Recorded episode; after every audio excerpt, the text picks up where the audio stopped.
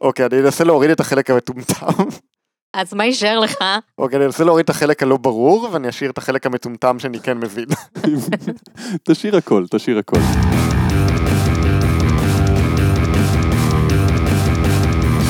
שלום לכולם, אני גל, איתי נמצאים חגי היי, וליבי. היי. למזק, למה זה קיים? המקום בו אנחנו שואלים את השאלה שהיא השם שלנו, והפעם, טלוס. חגי, טלוס. למה זה קיים?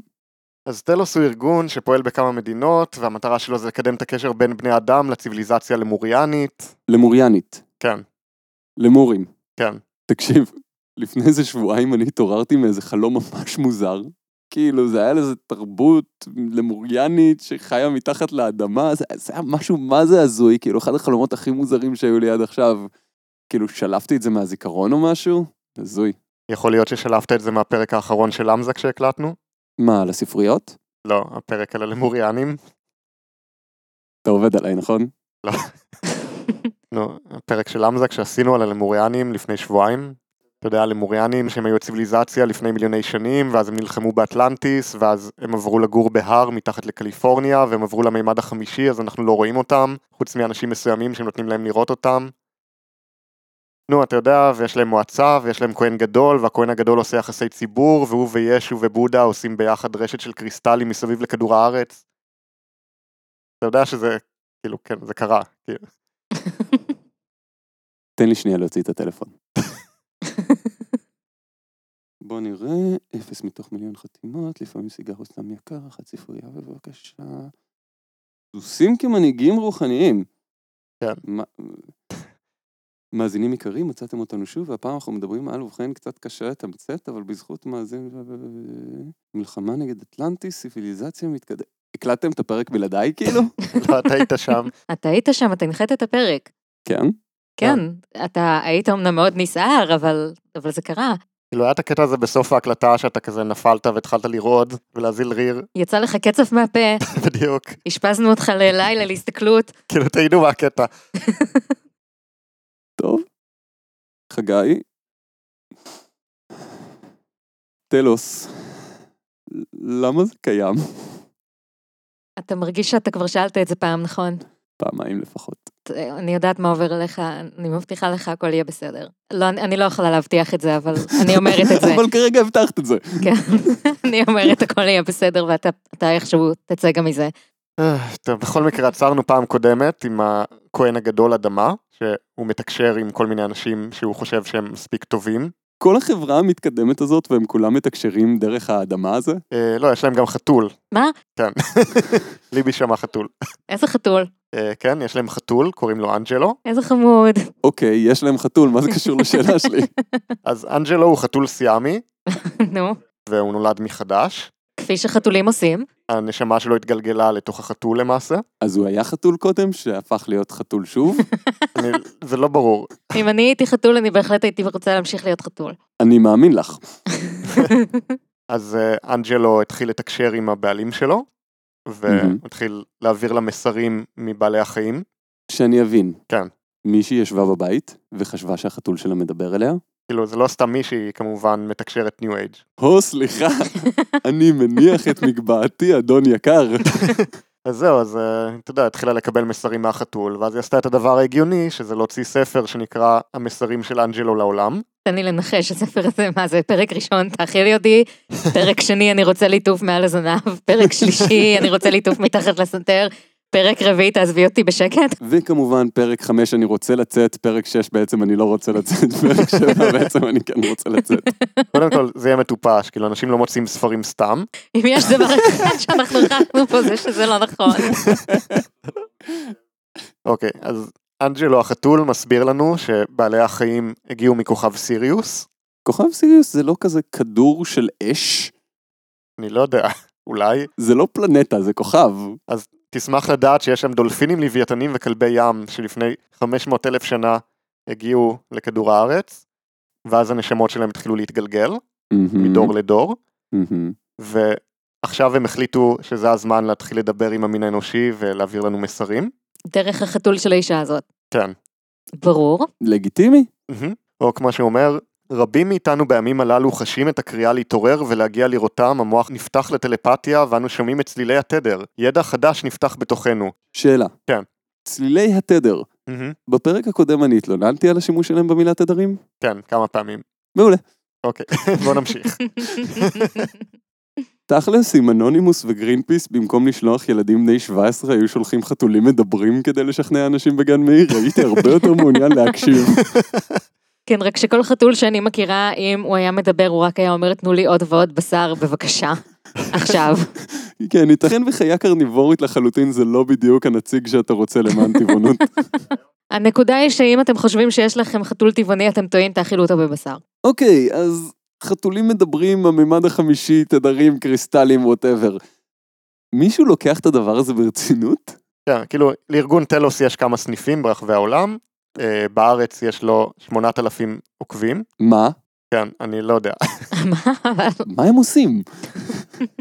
אז לטלוס ישראל יש פעילות די ענפה באינטרנט. הו אינטרנט. כמה טוב הבאת לחיינו. קודם כל, הם מנהלים תקשורים מדי פעם עם אדמה, ואז הם כותבים מה הוא אמר. הכהן הגדול ההוא. כן, הם מפרסמים בבלוג שלהם את התקשור האחרון שלו. וואו, כמה נוח. פעם כשרצית לחרטט, אז אתה היית צריך לכרות על אבן את החרטוט שלך. כן, ולהחביא את זה בחצר, ולהוציא, היי, תראו, מה מצאתי! עכשיו הכל באינטרנט, תאמין לי. וואלה, האינטרנט הזה. וזהו, הם עושים כל מיני אירועים ופעילויות.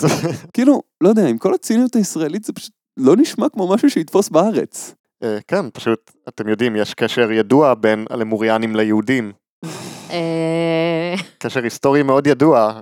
בשום שיעור תנ"ך לא שמעתי על מוריאני אחד. אני לא יודע לאיזה בית ספר אתם הלכתם, אני הייתי בתיכון ממלכתי למוריאני. טוב, בואו נעשה לכם איזה הסבר בסיסי על הקשר בין הלמוריאנים ליהודים, אנחנו חייבים? כן. אוקיי. כי אחרת זה יהיה שקט מביך.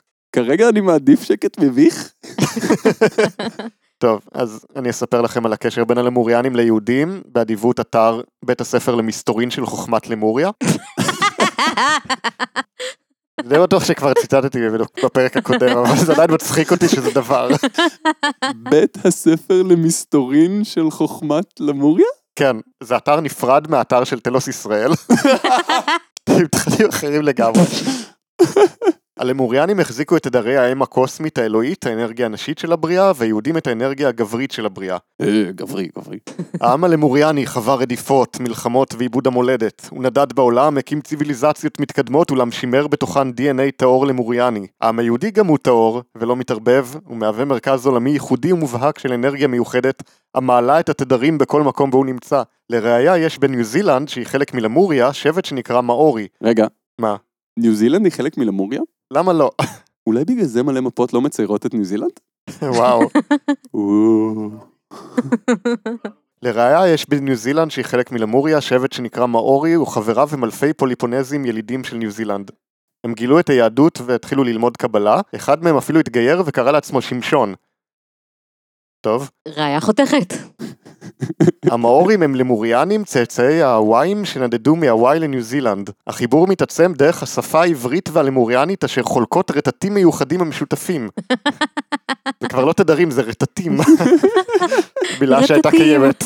העברית והלמוריאנית אינם ביטוי לתדרים נקיים המגיעים ישירות מהמקור בו אין חלוקה והפרדה לשפות אנושיות. התדר של העברית מייצג בעולמנו בצורה נאמנה את התדרים של השפה היקומית, שהיא מכלול תדרי אור של צורות גיאומטריות.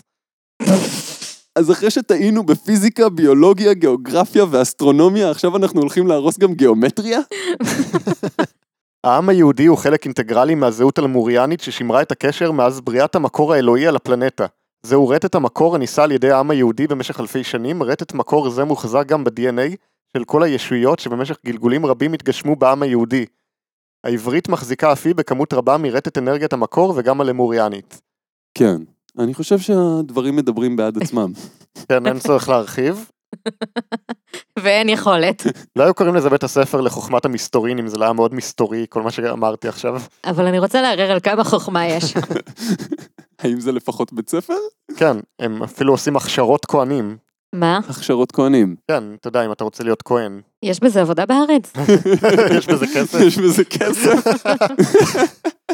את לא כל דבר זה כסף, לפעמים צריך גם קצת מסתורין. כמעט כל דבר זה כסף. יש לי פה את העותק של הפרסומת שלהם. האמת שאני יודע בדיוק מי צריך להקריא את הקטע הזה. פרק זה מוגש לכם בחסות קורס הכשרת כהני תודעת למוריה, מכשיר את בוגריו להוביל אנשים למימוש עצמי מיטבי ולתוצאות משביעות רצון בחייהם בהתאם לשאיפותיהם מהלכה למעשה. לקבל את הכהונה, ללמד את הידע של 12 הלהבות המקודשות דרך מסע על שערי המימד החמישי ומסרים מהמאסטרים.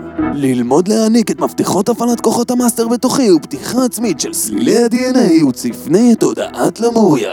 לקבל אישור כניסה נשמתי לספרייה הקשית הלימורנית וחיבור לימי הבראשית ועד ייעוד ופלנטה הארץ. לקיים את הלכות המימד החמישי בתודעת הגשמיות על פי תורת האנושיות החדשה. קורס חווייתי ומרגש באופן יוצא דופן בעוצמתו, עשיר בלמידות תאורטיות ויישומיות, מועבר ברמה מקצועית, מעמיקה וחוקרת ובסטנדרטים הגבוהים ביותר בעולם.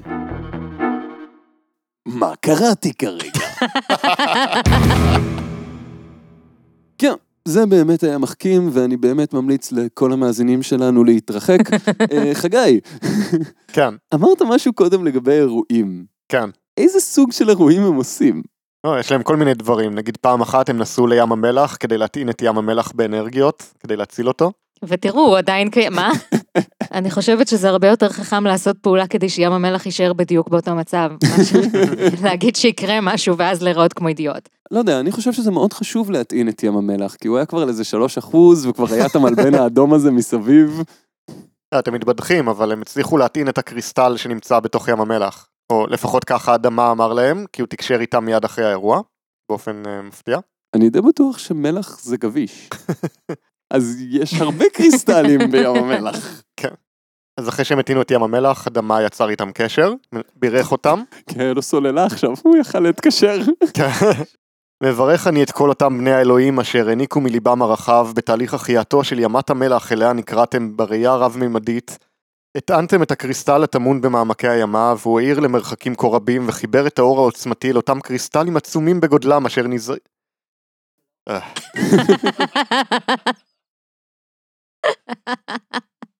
ממה שאני יודעת, קריסטלים זה פשוט מבנה מולקולרי שחוזר על עצמו הרבה פעמים בתוך החומר, ולא שום דבר כזה מיוחד או נדיר. כן, אני לא לגמרי בטוח שהם סגורים על מה זה קריסטלים ומה זה עושה. לא יודע, אני חושב שהם מבינים די הרבה בקריסטלים, כאילו סך הכל ליום הולדת השישי של העמותה הם עשו מסיבת קריסטלים. אהה. כן. הם שתו הרבה קריסטל מנטה והסניפו הרבה קריסטל מת. לא, הם הלכו לחנות קריסטלים ברמת גן, וכל מי שהשתתף אז הוא קיבל קופון של 20% הנחה לקניית קריסטלים. זה נשמע כמו פחות מסיבת קריסטלים ויותר כמו מבצע קריסטלים. כן. אתה יודע מה אומרים, אין מסיבה כמו מסיבת קריסטלים, כי במסיבת קריסטלים יש 20% הנחה על כל רכישת קריסטל. הפתגם הידוע, כן, רבותיי. כן. אז אמ, זה בהחלט נשמע כמו מסיבת אה, קריסטלים. מסיבת קריסטלים. כן, כן, כן. נכון. אבל האירוע הכי מרכזי שלהם זה הטיולים שהם עורכים להר שסטה בקליפורניה, איפה שהלימוריאנים נמצאים. אה, כן, ההר ההוא שצריך פשוט לשטח את כולו כדי לראות איפה האנשים האלה ולקחת את כל הטכנולוגיה שלהם. הם נותנים לכל אחד לבוא לטיולים האלה, או רק למי שכבר הגיע למימד החמישי? כי אני הבנתי שמי שסתם הולך להר והוא רגיל, אז הוא לא יראה כלום. לא, זה... הם... זה טיול של עשרה ימים שבמהלכו את לומדת דברים חשובים. אה, בואו אני אסביר לכם במילים של טלוס. אתה חייב, כי כל הטקסטים שהקראנו שלהם היו ממש קשים להבנה עד עכשיו. אולי תסביר לנו במילים שלך פעם אחת. לא, לא, כאילו, ברצינות, חגי, אני חייב להודות שאני ממש מעריך את המלאכה שאתה עושה בלהנגיש את הטקסטים האלה ולגרום להם להישמע יותר זורמים. רגע, אז אתה רוצה להגיד לי שזה מה שיש אחרי שחגי עבר עליהם? כן, כן, זה שמיים וארץ, אם אתה מנסה לקרוא את זה, זה פשוט ממש קשה. כן, תראו, אני פשוט מתקשר את זה מהמימד השמיני. אה, כן. אה, נו, למה לא אמרת? יופי, עכשיו אנחנו ממש מרגישים כמו מטומטמים. במהלך המסע יינתנו לנו תקשורים וליווי צמוד מהכהן הגדול אדמה והמאסטרים של האחווה הלבנה. אני רוצה לשאול מה זה? אתה רוצה שנלך מפה אי פעם? לא משנה. הסדנה כוללת התבוננות פנימית לליבנו הלמוריאני, בניית הגופים והכנתם להתעלות הפלנטה בשנת 7108. שיט, יש לי תור לרופא שיניים. כמה פרקים של אמזק נוציא עד אז? בקצב הזה, 17. תוך כדי תמיכה רגשית של המאסטרים, הכהנות, ילדי תלוס והמשפחה. ילדי תלוס זה הספין-אוף הפחות מוצלח. טלוס קידס. עם זי. זה הערוץ החדש של דיסני. כן, אח- גם עשו את הספין-אוף תלוס בייביז, אבל זה לא... זה היה יותר מדי ממוסחר. אני מדמיינת תינוק מסתכל על הטלוויזיה וחושב לעצמו, לא, באמת? זה ההורים שלי? איך אני מתקשר לרווחה? מתקשר עם הרווחה ב- במימד ה... באיזה מימד זה הגנת ה... דרך החתול. לא יודע, מנסה לרטוט? התינוק מנסה לרטוט ממש מהר כדי שיוכל לעוף משם. קבלת כלים חדשים לחיים במימד החמישי בתקופה מועצמת זו. תקשורים של הכהן הגדול אדמה, הדרכת מלווה אישי מעיר האור תלוס, הדרכה רוחנית, אוקיי? זה לא משפט. את רואה? את רואה? הבן אדם עושה פה עבודה. ביקור מודרך במגוון נופים ומראות בסביבות הר שסטה, מפגש מרגש עם אחות למוריאנית, זוודה קתי, בשירת הלב המקודש, סדנת קערות קריסטל, מפגש עם הסטארגייט בביתו של חבר אהוב פרגית, מפעיל הסטארגייט. מה? סטארגייט? רגע. קודם כל הם במפורש מודים שהם גונבים מסטארגייט. כן, אני לא יודע אם קודם כל להגיב לזה שהם במפורש מודים שהם גונבים מסטארגייט סדרת סייפיי משנות התשעים, או שלבן אדם שמפעיל את כל הדבר הזה קוראים פרגית. כאילו, זרמתי עם אדמה, אבל פרגית? ועוד לא דיברנו על שר האוצר שלהם שישליק. אין בגוגל שום רפרנס אחר לפרגית. כאילו במובן הזה. בטיול של שנת 2019 מוסיפים עוד פיצ'רים. מה עוד צריך? למה מגיע לנו כל הטוב הזה? נבקר בשערים אנרגטיים ייחודיים הנפתחים בהר שסטה. מהמם. נבקר בסלעי ההתעלות ובעוד שערים סודיים בהר וכניסות לעיר האור תלוס. אז פתאום יש שערים וכניסות וזה. כן, אבל אתה יודע, אתה צריך להיות במימד החמישי כדי להיכנס. אוף, איזה טיזינג. אוף. וסדנת תקשורת עם אחינו הפלאדים בביתו של האח הלמוריאני ישראל דוידובסקו.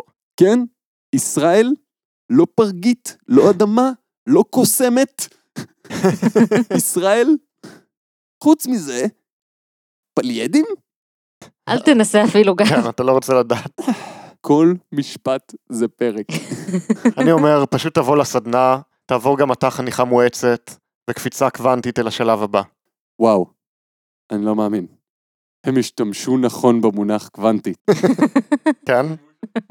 כאילו, המונח קוונטום אומר כמות מינימלית שאי אפשר פחות ממנה, אז כן, קפיצה קוונטית זה שימוש די נכון במונח. יש, מצאנו את השימוש הנכון במונח מדעי. מי היה מאמין שדווקא הם השתמשו נכון במילה קוונטית? כן, איך אומרים, גם שעון קוורץ, רוטט, צודק פעמיים ביום. במימד החמישי. אני חושבת שהפעם השאלה היא פחות למה זה קיים ויותר איך. איך זה מתקיים? כן. מה שמוזר לי זה שכל האינפורמציה שהם נותנים היא נורא נורא ספציפית. מאיפה זה מגיע? ואל תגיד לי שזה מגיע מהלמורים שמשדרים תדרים בחתולים. האמת שיש כל כך הרבה מקורות וכל אחד הוא קצת שונה מאחרים. ו- יש אי תאימויות? שוקינג. וואו, הדבר הזה זה מרגיש כאילו ש-30 אנשים כתבו סיפור בהמשכים, כל אחד משפט משלו. אז הנה אנחנו היום. ממה שהצלחתי להבין כל הדבר הזה התחיל מספר שנכתב ב-1886 שנקרא A Dweller on Two Planets. השוהה בשתי פלנטות? מה? כן, זה הספר הראשון שהוא כאילו העלה את כל הנושא הזה של הלמוריאנים וטלוס וכל הדברים האלה כמו שאנחנו מכירים אותם. רגע, הזואולוג מהפרק הקודם לא היה הראשון? כי זה מתחיל לחזור לי בפלשבקים. העלילה היא על הסופר שהוא מספר שהוא התחיל לקבל כל מיני תקשורים מישות מאטלנטיס בשם פיילוס. אטלנטיס הם האויבים, לא? כן. הפלשבקים האלה חוזרים עוד ועוד. כן. הוא מספר על איך אה, הם הגיעו לרמה טכנולוגית מאוד גבוהה, ואז בסופו של דבר הם עברו להר שסטה. כמובן. רגע, גם אטלנטיס בהר שסטה?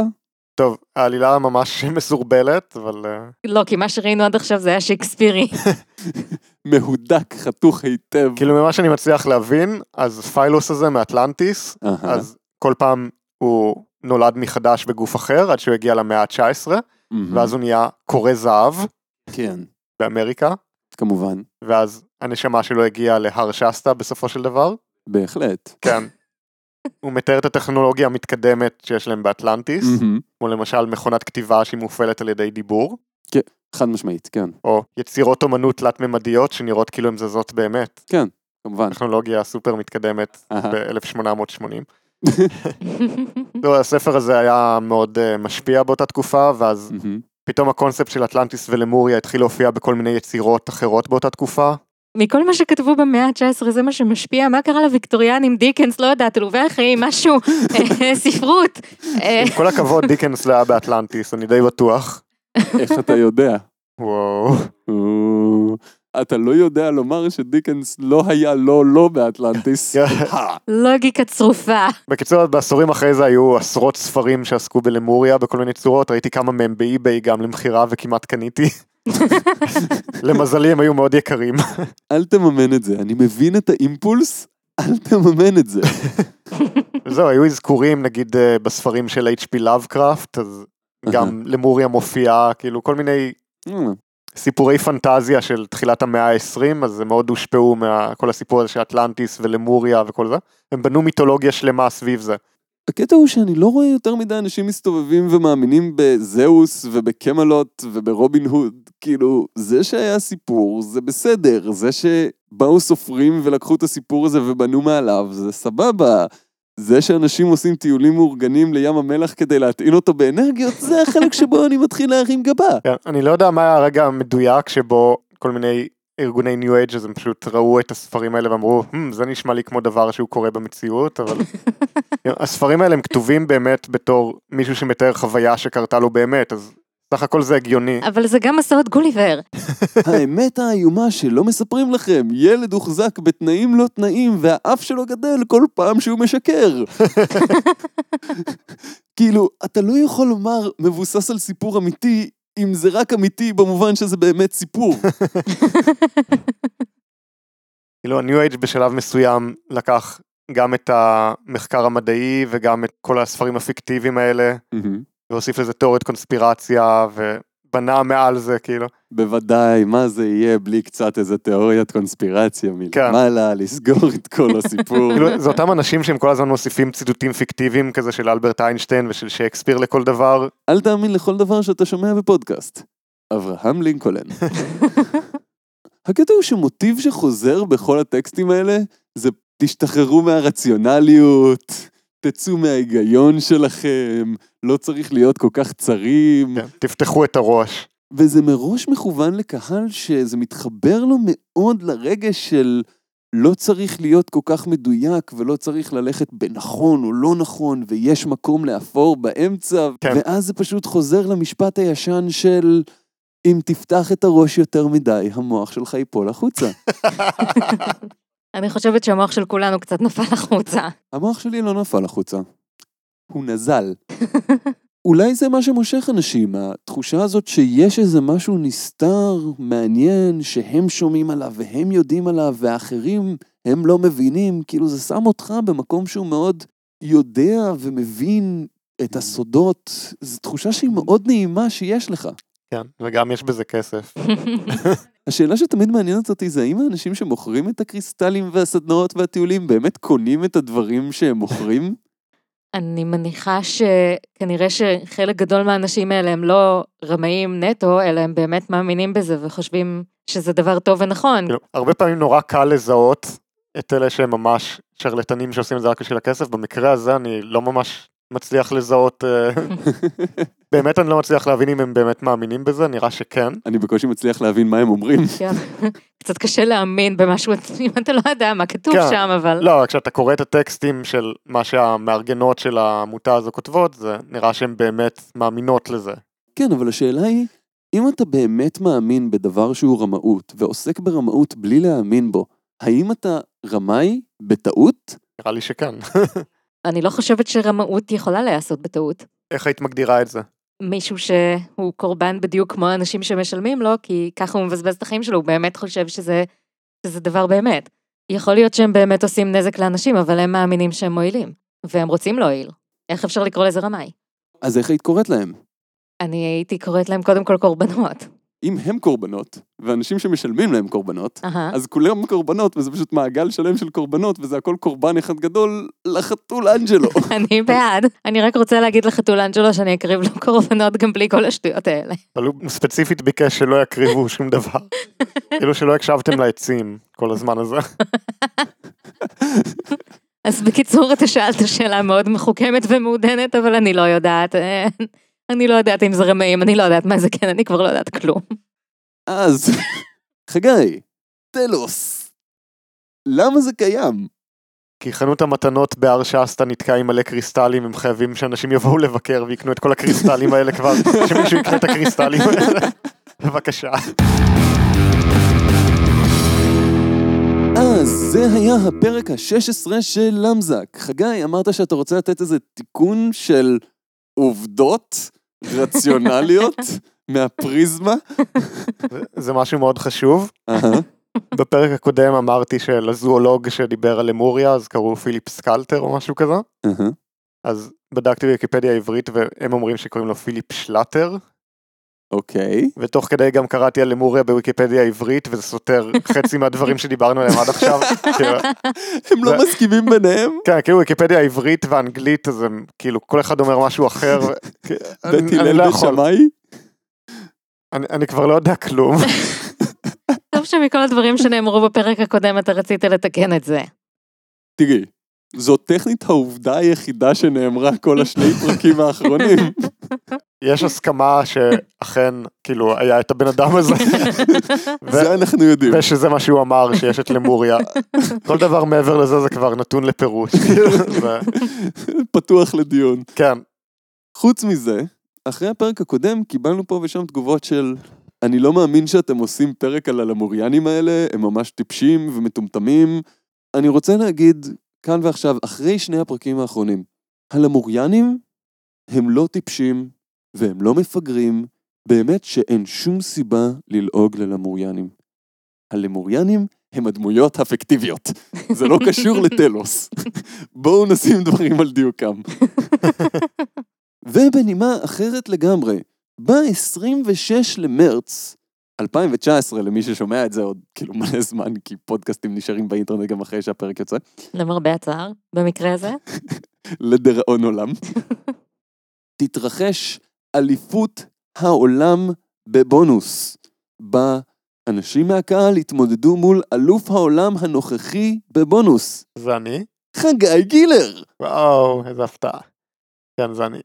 אם לא ידעתם, בנוסף להיותו חוקר למוריאנים, חגי הוא גם טוב בצורה מפתיעה בבונוס.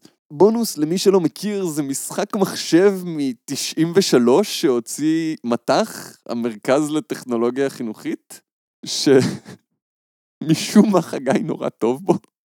זה משחק ששמים אותיות על לוח, והוא נורא דומה למשחק אחר שאין זכויות רשמיות לומר שזה נורא דומה לו, אז אנחנו לא הולכים להזכיר את זה. זה משחק שמשבצים בו דברים, בבקשה. אז מנחה את האירוע, אהוד קינן מלואו באטרי, אם אתם מכירים. אני גם הולך להיות שם על הבמה בתור פרשן. אני לא יודע מה יש לי שם לפרש, אבל אנחנו נתמודד. אני הולכת לא להיות שם ולתמוך בזה מרחוק מאוד. כמה שיותר רחוק מסתבר. כן, ליבי אמרה, ואני מצטט, אני לא אבוא לזה גם אם תשלם לי. אבל אתם תבואו לזה ותשלמו לנו. לנו. כי אם הוכחתם משהו עד עכשיו, זה שאתם מוכנים להשקיע הרבה בשביל לשמוע אותנו. אני אני מצטער כל כך. אם הפרק הזה לא ישנה את דעתכם, אני לא יודעת מה כן. אלעד לרנר, אם אתה שומע את זה. חכה, חכה. כן. אז, זה היה הפרק ה-16 של למזק, בו למדנו שלמוריה גשר יבשתי, מלחמה עם אטלנטי, 36 סלילים לתקשר עם עצים, מימד חמישי, חתול מדבר, מסיבות קריסטל עם סטארגייט, פרגית לב אלוהי של שלושה מטרים. אז אה, ביי! ביי, ביי. תודה לאל. שזה נגמר.